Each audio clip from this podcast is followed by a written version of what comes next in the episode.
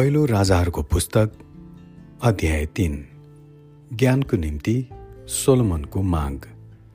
सोलोमनले मिश्र देशका राजा फारोसँग मित्रताको सम्बन्ध बाँधे र उनकी छोरीसँग विवाह गरे। आफ्नो महल परमप्रभुको मन्दिर र एरुसलेमको चारैपट्टि पर्खाल बनाए नसकुन्जेल। सोलोमन राजाले तिनलाई दाउदको सहरमा ल्याएर राखे।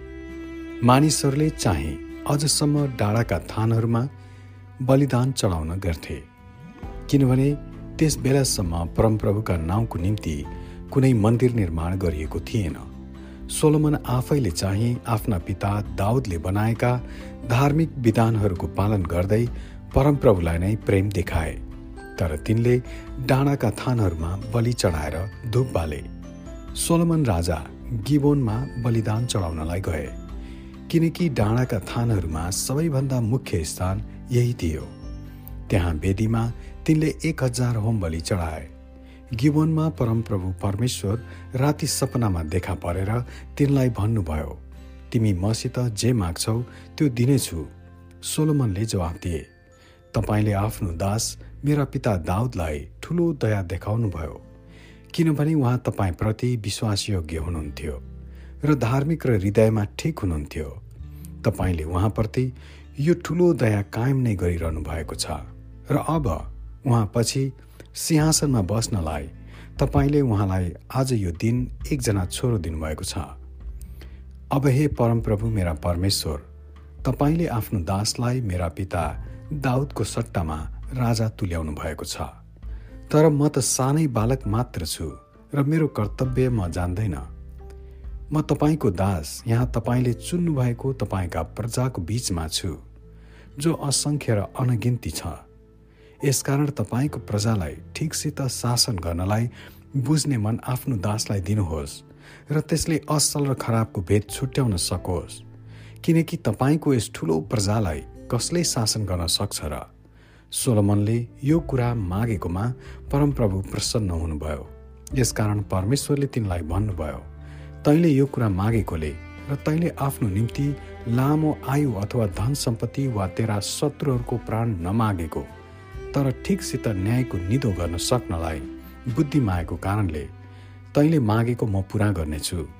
म तँलाई बुद्धिमान र निदो गर्न सक्ने मन दिनेछु कि तेरो अघि तँ जस्तो कहिले कोही भएको छैन। न तेरो पछि कहिले अरू कोही हुनेछ। यसबाहेक तैँले नमागेका ती कुराहरू अर्थात् धन सम्पत्ति र मान पनि म तँलाई दिनेछु।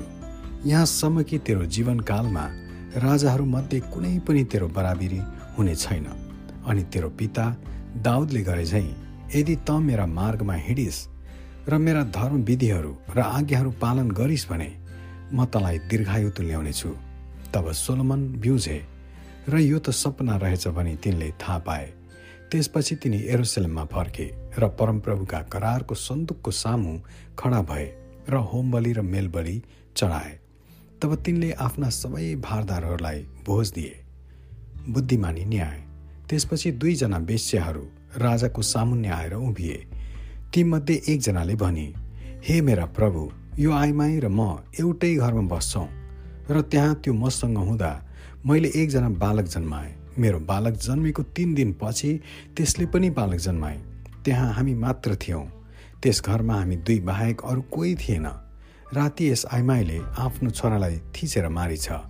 मध्यरातमा त्यो उठेर म हजुरकी दासी निदाएको बेलामा मेरो छेउबाट मेरो छोरो लगेर आफ्नो काखमा राखेछ र आफ्नो मरेको छोरालाई चाहिँ मेरो काखमा राखिदिइस्।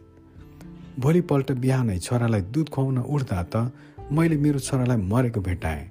तर मैले त्यसलाई बिहानको उज्यालोमा राम्ररी हेर्दा त त्यो मैले जन्माएको मेरो छोरो होइन रहेछ। त्यो अर्कै आइमाईले भने होइन जिउँदो चाहिँ मेरै छोरो हो तेरो चाहिँ मरेको हो। तर पहिले कि जिद्दी गरेर भने होइन मरेको चाहिँ तेरो हो जिउँदो मेरो हो। यसरी तिनीहरू राजाको सामुन्ने बहस गर्न लागे। राजाले भने यसले भन्छे जिउँदो छोरो मेरो हो मरेको तेरो हो। अनि अर्कैले भन्छे होइन तेरो छोरो चाहिँ मरेको हो जिउँदो चाहिँ मेरो हो तब राजाले भने मलाई एउटा तरवार ल्याइदेऊ। अनि तिनीहरूले राजाको निम्ति एउटा तरवार ल्याइदिए। तब तिनले यस्तो हुकुम दिए। त्यस जिउँदो बालकलाई दुई टुक्रा गरी काट र आधा एउटीलाई र आधा अर्कीलाई देऊ। तब आफ्नो छोराको मायाले भरिएर त्यस जिउँदो बालककी आमाले राजालाई भने हे प्रभु त्यो जिउँदो बालक त्यसलाई नै दिनुहोस् त्यसलाई नमार्नुहोस्। तर अर्कीले भने न त मैले न त त्यसैले लैजान पाओस्। त्यसलाई दुई टुक्रा गरी काट्नुहोस्। तब राजालाई आफ्नो न्यायको फैसला यसरी सुनाइदिए। त्यो जिउँदो बालक पहिलो आमालाई दिइहाल। त्यसलाई नमार। त्यसकी आमा त्यही हो। जब राजाले दिएको फैसला सारा इजरायलले सुने तब राजाप्रति भएको भावना उत्पन्न भयो। किनभने न्याय दिनलाई तिनीसँग परमेश्वरबाटको बुद्धि रहेछ भने तिनीहरूले देखे। आमेन।